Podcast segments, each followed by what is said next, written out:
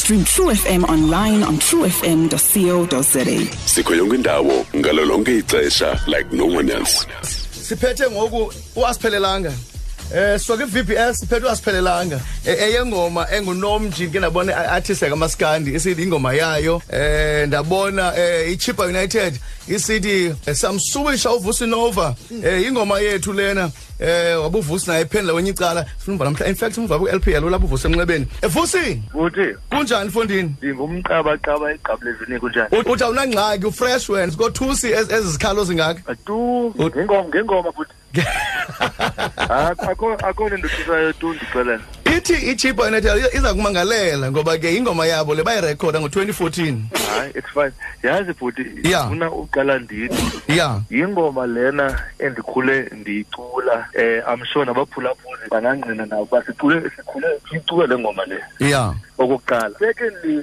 bhuti um ndingasoze ndenza ingoma ndingayenzanga i-research Mm. eh yenzile i-research i-research thina esiphume nayo is that ingoma is public domain now xa kusithiwa public domain Mm. it means nabani na angayisebenzisa okay nabani na there is no person oyiclaim- ongayiclaim athi ngeyam leni ngoma Mm. now xa uyenzile ingoma bhuti ne um funeka mos uyerejistarisha njengomntu oyenzileyo ingoma Hmm. Andithi yes but now remember kwamna kuqala bhuti andinawo yesambro ndithi ndagqiba ndifike esambro xa ndirejistarisha ndithi composed by vusi nova i can't do that because it was not composed Be- by be- bendizobuza yonto leyo wena uyile samro wabha- wa- wabhalisa ezo uba ngubani ngubani ikhompoza bhuti remember ah kaloku bhuti remember mna into yecomposer bona esambro they're supposed to know uba ngubani ikho- i- i- i- i-composer now remember Mm. it's public domain according to isambro Mm. it is public domain now remember bhuti Mm. okwesibini umntu xa esiyapha ke njengomuntu oyenzileyo omnye ke not i-composer Yeah. xa ufika phaa you can only register the song as wena uzifake as arranger because mhlawumbi eyakho i-arrangement i-different kunaleya Mm. the original one You- you- andabuya mhlawumbi Ndi- uyandiva na? ndikuva kakuhle ndikuva kakuhle Yes, sir. So, Umna,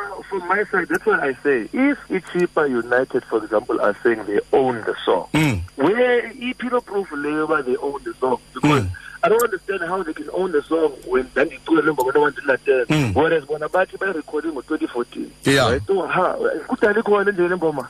mamela ke mvusi masithi ke umhlambi e- e- ekuyenzeni kwabo lo mntu bebenzela eh le ngoma umhlambi arrangement yakhe uzawuthi look i-arrangement yenziwe ndim and ayenze yaluhlobo oluthile now ndiva ekavusi nayo i-sound exactly njengale arra- arrangement nam abanacase loo nto leyo okanye a- i- lo lo yenzileyo Hayi, but okokuqala futhi it can never sound the same. Tu, ayifani tu okokuqala.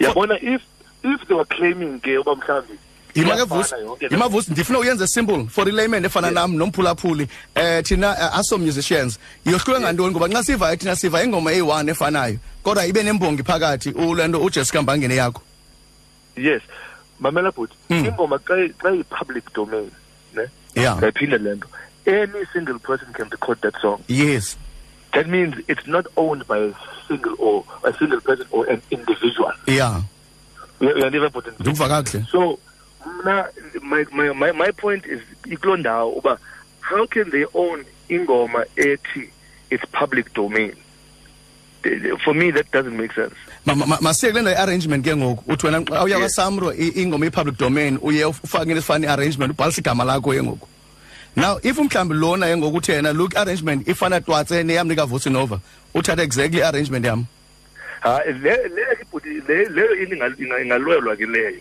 unako ikhalazela leyo into Yabona. yona if umuntu feels uba le ngoma mos iyafana le yam ya for example that you can fight okay so masilena that's what i'm saying that's a different story altogether mm.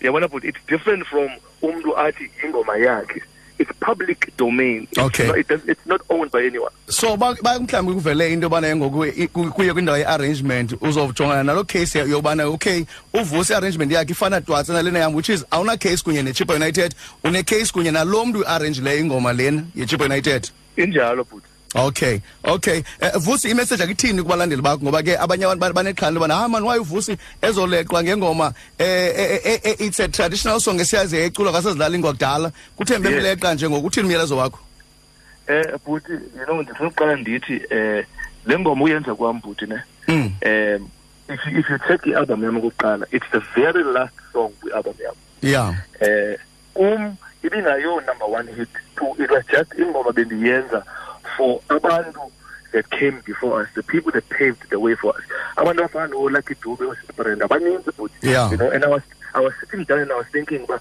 wow these guys fought for inkululeko yabantu bamnyama so that mna nawe bhuti for example Mm. senze into esenzayo ngoku imagine we are, we are live on air right now and there's hundreds of thousands of people abasimameleyo right now Okay. Yile nto babeyiloyela and this is why i did le ngoma le it was not supposed to be number one song but people chose the song that, this is why i always say this is the people's choice le ngoma le Yeah. ichuzwe ngabantu okokuqala so i never thought uba le ngoma ingaba number one secondly um barayithi abanxa besithi sikhule simamele ngoba lena yingoma ehlala simamele and I, will- I, will- I will repeat this again and say akhona nto bhuti enothusayo kulena into Okay. ayikho neyi-one and my fans out there my supporters out there sanokothuka basonwabeni and that's it and usawuyiphefoma kwindawo hamba kuzo injalo bhuti okay danki vusi Ngosi- This is a True FM podcast. Find us online on truefm.co.za.